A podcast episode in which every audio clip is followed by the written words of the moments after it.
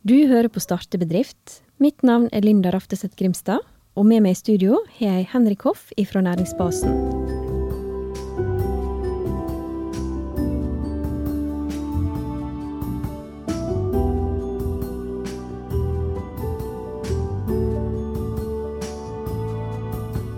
Gjesten i dag har vært sauebonde og jobber deltid på Ekornes. Nå destillerer han gin i garasjen, og har vunnet beste norske Navy Gin under World Gin Awards i London. I fjor solgte han over 20 000 flasker gin, og satser nå også på akevitt og whisky. Gjesten i dag er ingen ringere enn Harald Strømgjerde, mann bak brennevinsgrova som brøt med gamle familietradisjoner og fant lykken blant kjørvel og rabarbra bak låven.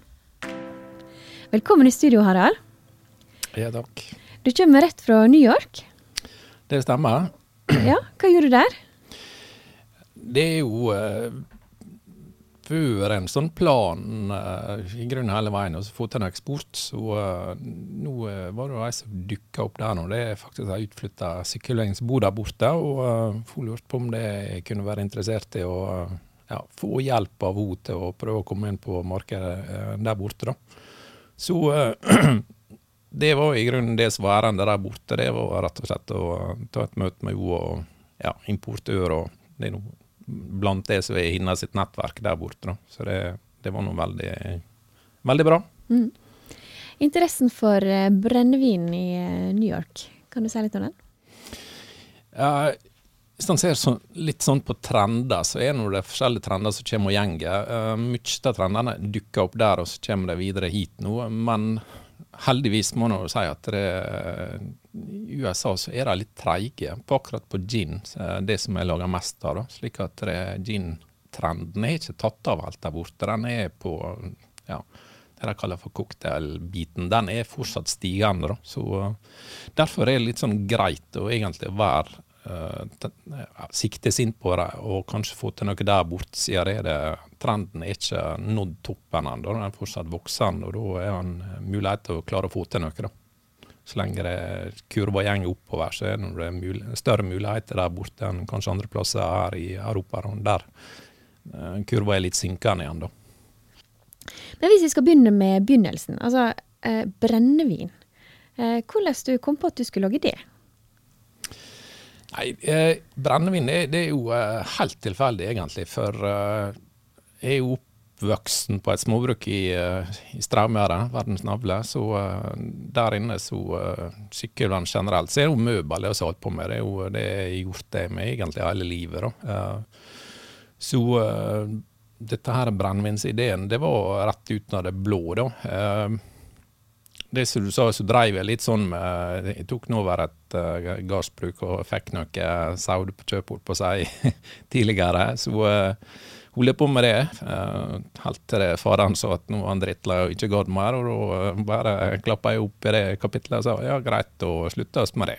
Og så uh, var det litt i etterkant av det, så var det å prøve å finne på noe annet å gjøre på dette småbruket. for det er jo sånn når du er fjerde generasjon som har tatt over noen. Det er jo noen som rulla stein og bygd steingarder og ordna til for å få til noe dyrka mark der inne. Så, så, det var nå litt sånn tanken på at han ville prøve å fortsette litt, og ikke bare la det gro igjen. Så da da var jeg litt inne på ølbrygging, men det ølbrygging eh, fant ut det var jo ti år for seint bryggeria-gjengen og konkurs eh, når jeg drev og tenkte på det. Så, eh, så det var noe helt tilfeldig. det. Jeg var med Hyn-Vilde til Skottland, og jeg skulle bestille tur.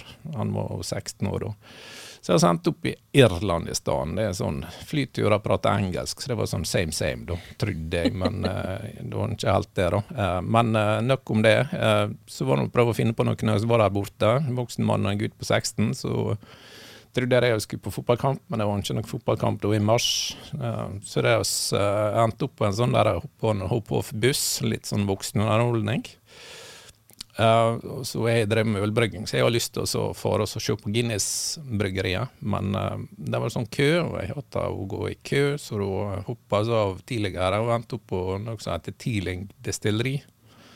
Uh, det var nå nok en voksen hobby for voksne manner å se på brennevinsproduksjon. Iallfall så var vi inne der nå og kikka på hvordan de lager whisky. Og det det er noe ølbrygging i stor skala, altså destillerer de øl. Så. På smaksprøver så er jeg nå litt spenstig til å nye at det, dette er klarer jeg må få til. Jeg lager tross alt 40 liter øl i garasje, og der lager de 10 000 liter. Så det var i grunnen der det starta, hele greia. at det når jeg kom tilbake, så tenkte jeg at det, dette er jo fanken meg så spinnvilt at det kan gå an. For her er ikke noen som driver med brennevin her på Sunnmøre, og ikke, det var ikke noen mellom Bergen og Trondheim, egentlig. da. Så, så det starta egentlig der nå. Da kom du hjem igjen og tok øla du hadde i garasjen og laga brennevin av det, eller? Nei, det var nok ikke så enkelt. da. Nei, men det var, det var i grunnen der det starta.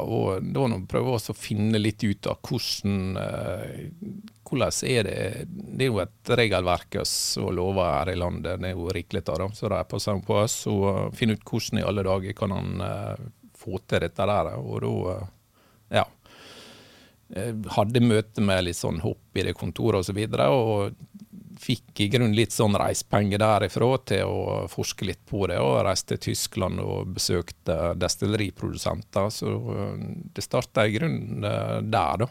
Med at jeg fikk, fikk litt sånn reisepenger og mulighet til å forske litt mer på denne ideen. Mm. Ja, for jeg har jo egentlig trodd at du ikke er lov å lage sprit, brenne sprit sjøl. Nei, eh, regelverket var forandra. Jeg lurer på om det var i Ja, jeg er litt dårlig på tall, men det var om, i 2007, tror jeg, så ble det forandringer i lovverket. Men det, det var ikke noe som ble uh, slått opp på framsida på VG. Da. Så det er, jo, det er jo veldig mange som ikke har fått med seg det, og jeg har ikke fått det med meg. Så det var noe uh, Ja. Men uh, det er jo veldig mye det går an å google seg til, så det, det fant jeg ut etter hvert. Og at det, der er jo ja, Helsedirektoratet er jo de som setter på stempelet til slutt. Og det er jo de som godkjenner om det du er kvalifisert til, til å begynne å produsere. Ok, Så du fant ut at det var lov å produsere brennevin. Eh, du skjønte at dette her var noe du kunne få til. Um, og så vet du at du er jo veldig opptatt av eh, å bruke lokale råvarer, god smak Eh, er det noe du, noe du alltid har, hatt med deg? Ja, det er noe, det litt sånn eh, Du er oppvokst på et småbruk, og det har vært mye sånn tradisjoner tidligere. Det, noe, det var noe fra tidligere tider, når han skulle være selvforsynt med det meste, så uh, hadde vi noe ja, potetåker og så, sånne frukthager osså videre, slik at jeg, jeg var i grunnen oppvokst med at vi drev og ja, plukka poteter og bær og alt mulig og laga til forskjellig. Da. Så det er nå i grunnen vært nyttig sånn i etterkant å dratt med seg den erfaringa over at han kan hauste sånn lokalt og, og bruke det. Og uh, det var en litt kombo med at det, Stranderen hadde et produkt eller et prosjekt på gang uh, tidligere med noe de kalte for Smaken av Sunnmøre. Der de skulle uh, samle ja, mat og drikke og lage sånne konseptturer rundt det. da. Og det ble i grunnen veldig, veldig sånn fascinert over uh, måten jeg gjorde det på. Uh, det var den eneste det så litt kjedelig. Jeg var fra Sykkylven, og jeg fikk ikke være med, for jeg var ikke kommet i gang med brennevinsproduksjon og de kjære prosjektet der nå. Tenkte jeg faen for noe. Ja, klipp vekk dette, tenker jeg. Men iallfall så var eh, det der fascinasjonen over uh, dette her prosjektet der Smaken av Sunnmøre har vært en litt sånn tanke jeg hatt om at det, jeg sitter midt i smørauga her i fjord og fjell og ser mye flotte ingredienser som vi kan bruke både lokalt i bygda og ikke minst sånn Valldal, hvis en tenker bær. Da. Så det har nå vært helt uh, nydelig å jobbe med produkt, så, eller ingredienser og råvarer som vi har rundt oss. da. Alt ifra tang til bær og ja, urter og kjørvel og rabarbra. Kan du forklare hva kjørvel er? kjørvel, det uh, Det er noen lange stengler som lukter de veldig friskt uh, lakris. Uh, så det er jo sånt som vokser vilt rundt omkring her. Da. Ja. Um, Du har funnet ut at du kan uh, produsere brennevin, det er lov. Uh, du bestemmer deg for på et eller annet tidspunkt at dette her skal jeg, her skal jeg lage et levebrød av. Du starter en bedrift. Uh, hvordan ble det mottatt på hjemmebane? Eh, det var nå litt Ja det er jo ikke vanlig med denne brennevinsprogresjonen, så det, det, det var nå litt sånn uh, tullete da jeg begynte å si til de kjente rundt at det, nå driver jeg og legger litt baner og kanskje begynner å brenne, lage brennevin. De aller fleste trodde dette her var litt kødd, og at det var bare artige. Men det gikk nå i grunnen ifra at det faren bare blåste ned fortalene til at han kom og sa at han kunne spytte inn litt penger, han med. Da. Så det er jo det er noe eh, forandra seg veldig, da. Men eh, det er jo eh, brennevinsproduksjonen her er noe fryktelig langt under det som er vanlig. Det er noe alltid vært en del sånn heimeproduksjon i garasje og kjellere, men ifra den biten til at det blir seriøst, det har vært ganske langt, da. Men når du starter opp, så har du ikke noen inntekter, for du har ikke laga produktet ennå. Eh, kan du si litt om eh, altså, hva, hva koster det å starte, starte, en sånn type produksjon, og, og hvordan eh, skaffer du penger til det? Ja, det er jo selve sånn investeringa i kun produksjonsutstyr, det eh, dro jeg litt paralleller til når mange spurte i starten. Så sa jeg at det er mange som kjøper seg dyre biler. I stedet for å kjøpe en dyr bil, så kjøper jeg med et brennevinsproduksjon fra Tyskland. Eh, så eh, det er jo sånn, sånn sett så var ikke det snakk om de store det er ikke sånn titalls millioner. Men klart det er noen millioner var det, og det er jo det som har vist seg at det er jo sånn som en litt naiv gründer, så koster jo alt mer enn jeg kan eh, håpe på. da. Så det er noe Det er noe litt greia med det. at det, Jeg har heller sett litt positivt på det. at Det er ikke sikkert det blir så dyrt, men av og til så blir det litt dyrere enn hva det er du eh, håper på. da. Så Eh, det, det, er jo det som er at det klarer du å komme i gang, så er det mye gjort. da. Så det, det var noe brukt en sånn, et fint bilde på det. På, jeg var på en sånn innovasjonsfestival der det var en fra Innovasjon Norge som snakka om at det, i en oppstart så er det omtrent som om du kan ha et bilde av et fly som skal ta av fra en rullebane. Du må gjøre annen rullebane, så det er noen utfordringer å ha nok kapital til å klare å få ting opp i lufta. Så ikke man begynne å bremse og nødbremse en eller annen gang, da. Mm. Uh, vi har også med oss en Henrik Hoffi fra Næringsbasen. Um, du møter jo eh, gründerne i denne aller første tidlige fasen når de skal etablere. Hva råd er det, du, er det du gir i oppstartsfasen? Det første rådet jeg har lyst til å gi, er at det er i hvert fall fornuftig å kjøpe seg brennevinslinje istedenfor en veldig dyr sportsbil. Kjøper du bilen, så er det ikke så lett å få gehør med banken. Ehm, men han trekker jo fram det at eh, alt er dyrere enn man tror. Eh, og det tror jeg veldig mange eh, som starter bedrift, får seg en liten overraskelse på. Så Derfor så handler det veldig ofte om å være, være godt forberedt. Se for seg kanskje flere scenario, både positive og negative. Lage en grundig forretningsplan der man avdekker hvem som er kundene, hvem som er leverandørene.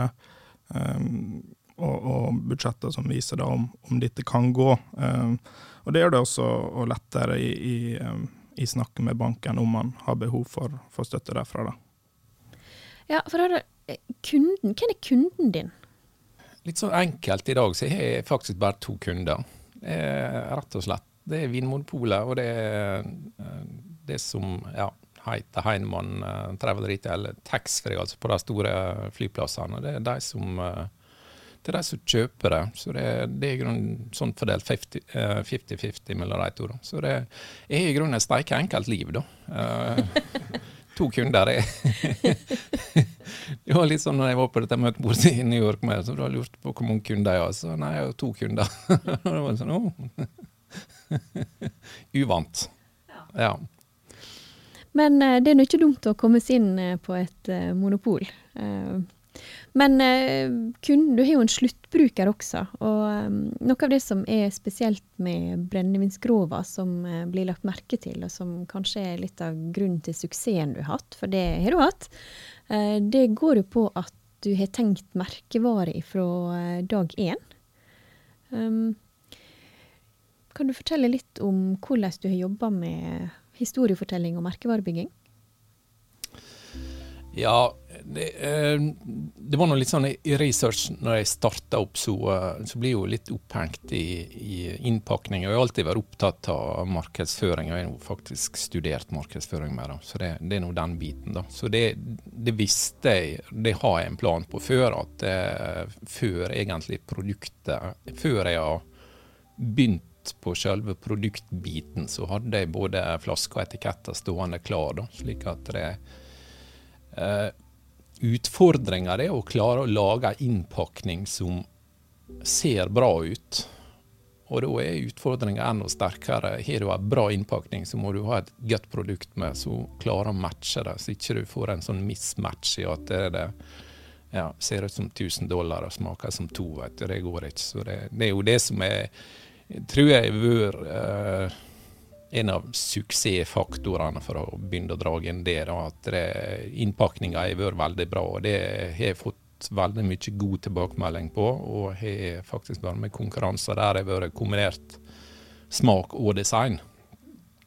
Uh, så det er den skandinaviske uh, looken har, har fungert veldig bra. Da. Så, så innpakning har vært veldig viktig. så det det vil jeg nå bare si merkevarebygging, iallfall når en holder på med sånne produkter. Det er jo veldig viktig. Da. Men der er, jo, der er jo en annen problemstilling. Eh, fordi det er jo ikke lov å reklamere for eh, alkohol i Norge. Hvordan eh, har du klart å bygge denne merkevaren og blitt kjent uten å bruke de tradisjonelle kanalene? Ja, det er jo det er fryktelig begrensa egentlig hva han kan uh, fortelle om produktet. Så det, det er jo ja, Uten at jeg kan si det, det er jo ikke blitt målt på noen måte, men, men det er nå ofte det det sprer seg. Det er noen som kjøper og noen er fornøyd med det, og så forteller de videre. Dette gode gamle word of mouth, så er vør muligheter der er. Så det er nå det som har vært så, uh, bra, at det, det kom veldig mye sånne ambassadører, for å si det sånn. Mange som syns at det brennevinsgrova er, er, artig og stas, og det, det merker jeg jo at det er på Sunnmøre. Så er jo sunnmøringene virkelig tatt brennevinsgrova til sitt hjerte. Det er jo eh, det er over all forventning, for det er jo eh, Når du skal begynne å lage et nytt produkt Eh, og så er såpass spesielt som, som brennevin, så veit du aldri hva det gjenger. Det kan gå til himmels og gå, til helvete, for å si det litt enkelt. Altså, det er jo, eh, dette her vet ikke noe om, da. Um, men det vil jeg jo dra fram at det, det er jo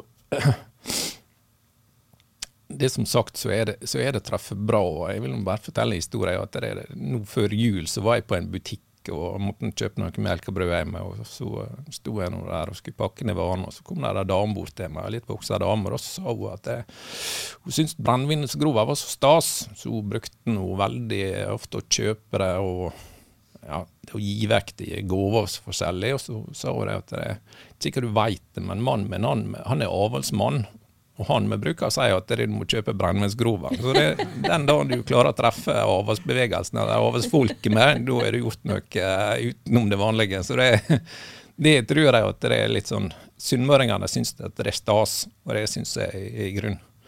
Det har vært med på at det, dette her er, er, gått så bra som det er gjort, da, rett og slett. Ja. Så du har ikke brukt betalt eh, annonsering, men det er rett og slett eh, privatpersoner som har kjøpt produkter og vært så fornøyd at de har har delt i sine, på sine Instagram og ja, ja, det er det. Så det er oss, uh, Snakka med venner og kjente? Ja, så ja. jeg har ikke brukt noe uh, penger på å kjøpe noe slags uh, ja, Skaffe seg noe sånn suksess den veien. Så det er jo Det har gått veldig bra. Uh, du nevnte i stad konkurranse.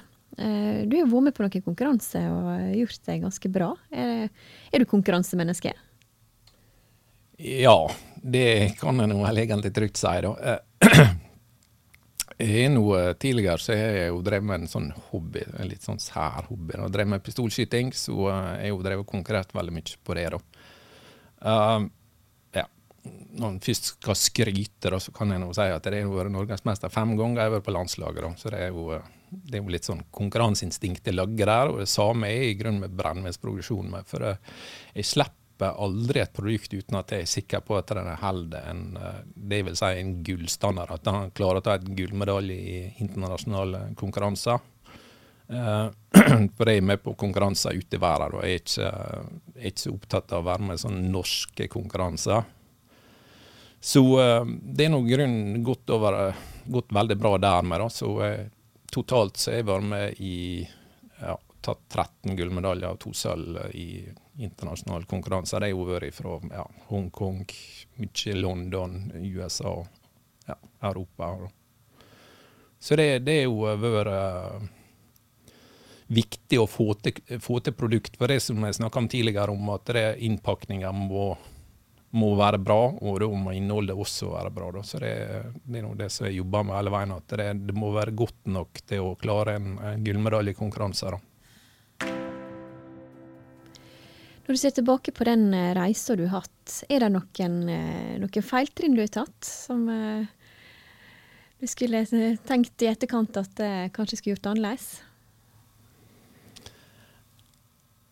Vanskelig egentlig å dra fram noen feiltrinn. Det er, noe, det er jo litt sånn at man må nå ta med seg de feilene som man egentlig gjør, og ikke gjøre det flere ganger. Men ikke noe sånn gedigen feiltrinn, egentlig. Det er noe det er noe grunn vært litt sånn all, over all forventning, egentlig. Når du starter null erfaring, så er det i grunnen gått ganske bra framover. Eh, det er noe om å gjøre å ikke lansere noe som ikke funker. Da. Så det, det, er jo heldigvis der at det har vært ganske ja, kjørt en stram linje med at han ikke pøser ut noe. Så det, det er jo mye som blir jobba med som ikke kommer ut. Men heldigvis så, så klarer han å kutte, kutte produktet eller kutte prosjektet såpass tidlig at han ikke bruker fryktelig mye penger på det.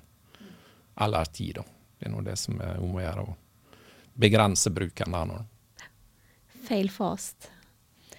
Um, Henrik, har du noe innspill her? Ja, uh, det jeg lurer på, Harald, er uh, i starten så um, forstår jeg det sånn at du ikke gikk direkte ut fra den jobben du hadde tidligere.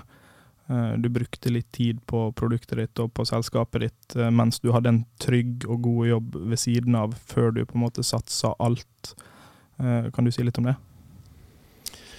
Ja, det er nå det som har vært tanken med Brennevinsgrova hele veien. Det, det var nå å klare å kjøre et sånt dobbelt arbeid lengst mulig da, for å bygge mest mulig eh, ja, bygge stein for stein i Brennnesgrova. Så det, det, er jo det som er vært at det er, Hadde nå tidligere jobba ja, i møbel, så ble dette Brennnesgrova det som jeg brukte all fritid og helger på for å, for å, klare å bygge det opp. da. Uh, når han ikke har kjempemye kapital å tære på i starten, så er han bare nødt til å klare å kjøre litt sånn dobbelt, slik at du får bygd opp uh, firmaet ganske greit. Det er jo mye skal på plass. Da. Det er jo det er noe, når du starter produksjon, så må det, det er jo sånn minimumsgreie. Du er jo nødt til å ha visse ting for å, for å, klare å få det til å fungere. Så det er jo litt sånn der eh, ting du må ha, ting kjekt å ha, ting som du ønsker deg framover. Så det er noe det er nå blitt litt sånn blant Tida har nå vært blant det Ja, hva skal vi kalle det, da? Need to know. Ja, ja iallfall. Så da var det iallfall eh, å bygge stein for stein, som sagt. Eh, så var det å, å bare ta det på, på kveldstid, da. For eh, for det er noe det som er du, du sjelden du kan gå over direkte fra en uh, ja, fulltidsdagjobb til å, til å starte opp og ha det gående. Da skal det være mye kunder og bra vareflyt, eller hva det er du styrer med, før at det er du kan kutte sånn tvert. Så uh, det, det har vært en sånn lang prosess uh, for å se hva lenge kan han holde på å kjøre dobbelt med en fulldagsjobb før at han egentlig er nødt til å eh, fokusere alt på, på den nye jobben. Så, så det er det, er noe det som var litt utfordringa. Hvor lenge kan han holde på, hvor lenge er det gunstig å holde på? Når er du holder på i tre-fire år og jobber fra åtte til tolv, så uh, kjenner du litt på det med det. Så det er ikke 25 år lenger, så er nå det Så er nå det litt sånn utfordringer hvor lenge du klarer det. nå. Så uh, det var nå det som ble med Brennøysgrova, at jeg oppdaga mer og mer at det var to ting som egentlig hindra utviklinga til Brennøysgrova. Det ene det var plassen, og det andre det var tida. Så uh, garasjen ble for liten, og dagene ble for korte. Så da, uh, ble jeg bare bestemt meg for at det er nok en dag å takke for meg, og nå er det kun Brennnesgrova. Og da har jo du brukt lang tid på å forberede på å gå ut av, av uh, den faste jobben din og tryggheten. Um, så det er klart at i den mellomperioden der så har jo du ofra mye annet. Og, det, men samtidig så kan det hende at det er det som må til da for å, for å være helt sikker på at man kan hoppe ut og, og satse alt på, på egne kort. Ja, det er jo det som er Når du starter opp noe, noe for deg sjøl, så er jo du du er jo nødt til å være villig til å ofre noe for å komme dit du vil. Så uh, det var nå det å ofre fritida og helga og alt av den biten. Det, det var jeg villig til å gjøre. Og uh, dette snakka jeg litt med han Stig Bareksten som driver Bareksten med. at det, det, er jo det som er at det, altså er litt sånn felles bakgrunn. Han drev med, med konkurranseboksing, jeg drev med konkurranseskyting. Så det er jo litt sånn der villig til å ofre noe for å komme dit du vil. Så det er når du har satt seg mål, og hva, hva er du villig til å ofre for å bli sånn norgesmester, og hva er du villig til å ofre for å få, få til å lykkes med brannmenn. Det eh, det er jo det du må uh, være ganske klar på. Du, du kan ikke tenke at dette skal du klare på ni til tre og er jo sjelden det du kommer i mål, hvis ikke du er steike god flaks eller whatever. Da. Så det er jo det er noe det som er. Du, du må være villig til å ofre noe for å, å, klare å komme dit du eh, satser på å komme. da. Vinne, klare målet. Men når du starter bedrift, så er jo det det ene handler om produktet du skal utvikle, eh, som jeg forstår du har brukt mye tid på. Eh, samtidig så skal du utvikle selskapet. Altså du skal starte et aksjeselskap, du skal eh, tenke økonomi, finansiering. Um, gjør du alt dette her sjøl, eh, eller er det oppgaver du har satt ut til andre? Nei, det, det, er noe det som er så bra her i verden, at det er alltid noen som er mye mer grei på ting enn hva du er sjøl. Så uh, der er jeg vært veldig bevisst på at det, dette her uh, skal ikke rote med, dette her er ikke grei på. Så, uh, så det er nå levd litt i Det var vel han Bjørn Kjos som sa det en gang, han som drev var leder i Norwegian, at han alltid ansatte noen som var smartere enn seg sjøl. Og det er jo det vi tenker, at de må kjenne sin begrensning. så det var når jeg var i kontakt med banken med så i starten, så fikk jeg beskjed om at det kanskje skulle ikke du drive med regnskapet ditt sjøl. Og eh, det rådet det fulgte og det er noe, eh, det har jeg vært sterkt fornøyd med. og Det er ikke alt han skal styre med. det Sånn som det er i, for brennevinsgrova sin del, så gjør jeg det meste sjøl. Jeg vasker gulv, og jeg produserer og jeg kjører ut så mye jeg kan, men alt annet det, det gjør jeg ikke. Det er også liksom regnskap og fakturering og denne biten der nå, det, det er, er, folk til å gjøre, som er profesjonelle på det. Da. Så det, han må være veldig bevisst på hva kan han, hva er innenfor det han klarer å, eller ja, han er god på. Og det han ikke er god på, det bør han få noen andre til å gjøre.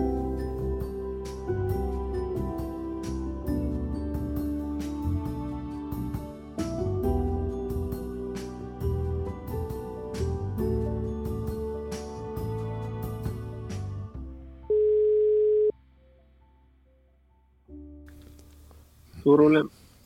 Ja, hei, dette er Linda Grimstad fra Sparebanken Møre. Hei. Du, nå skal du høre her. Nå sitter jeg i et podkaststudio. Eh, I lag med Harald fra Brennevinsgrova. Det er det? Ja. ja, um, og vi har nå satt og, og prata litt om oppstarten på dette selskapet her. Uh, og der har han kommet inn på deg. Uh, vi snakka litt om hva uh, når du starta opp, altså hva som er lurt å gjøre sjøl, og hva som er lurt å, å sette ut til andre. og så lurte jeg på, Kunne du fortelle bare litt om ditt første møte med Harald, og hva du tenkte? og jeg tenker nå, Han kom, han ble jo sendt ned til oss sikkert fra banken, tror jeg. Stemmer ikke det, Harald? Ja da, det var det Marius sa det etter. Nå må du skaffe deg en regnskapsfører. Ja. Og heldigvis så hauer jeg nå på han, da, så det var noe jeg kom Ja, det var vel hua i hånda til Marius, og så var det bedre pøsen nesten jeg kom ned til deg med alt rotet jeg hadde styrt med. Men eh, ja. ja. Men jeg husker ikke helt starten, men det var sånn at vi satte opp budsjettet i etterkant? Var det et krav, eller hadde du noe sånn foreløpig Nei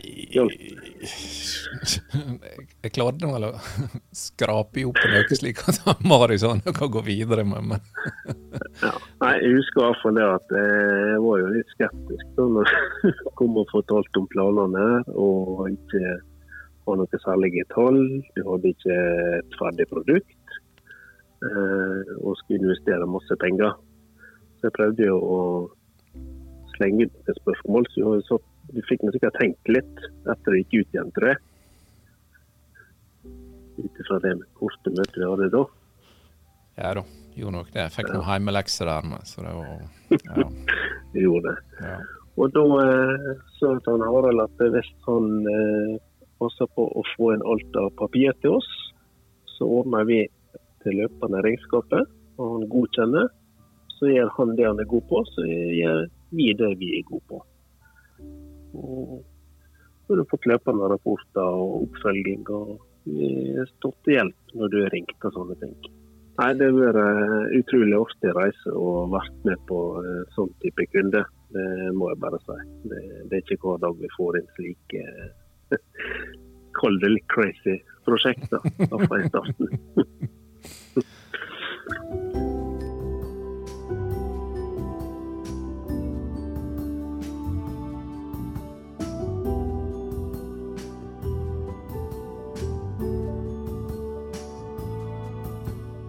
Ja, Harald. Eh, det har vært utrolig spennende å høre historien din så langt.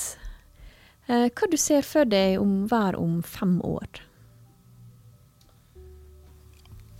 Planen framover er rett og slett å sette opp et nytt bygg. Få samla både lager og produksjon i et nytt bygg. Sette opp et, Putte inn et whiskydestilleri i det nye bygget og ja, lage mer Lage nye produkt. rett og slett begynne å få et større volum på whisky. I dag lager jeg bare bitte litt whisky mer som en teaser, men ha et nytt whiskydestilleri. Begynne å plante epletre. Det er på planen i år. Og starte med siderproduksjon. Og så har jeg et ølbryggeri som jeg kjøpte med båtbryggeriet når de er i landet. Og det er å få samla det og få kjørt inn nye produkter og kanskje laget det slik at det blir mulighet for å ta imot mer folk. da. Så det er jo mer produkter, andre produkter, større volum og ja, eksport er nå som tidligere så uh, det som står på planen. Så det er om fem år så satser jeg på at det er oppe og går i USA. Der er noen kontakter som uh, ja, så det stort sett står på finansiering. Og ja, investor må jeg også ha med, da. Og alt må profesjonaliseres. Ja, få inn mer folk og ja, bygge videre. Ja, du har mye godt arbeid foran deg og spennende tider, hører jeg. Du skal nå inn i en vekstfase, hvis jeg forstår det rett. Eh, det skal vi snakke mer om i neste episode. Da skal vi møte Konta. Um, da vil jeg bare si tusen takk for uh, nå til de som har hørt på. Tusen takk, Harald. Takk til deg, Henrik. Så høres vi igjen.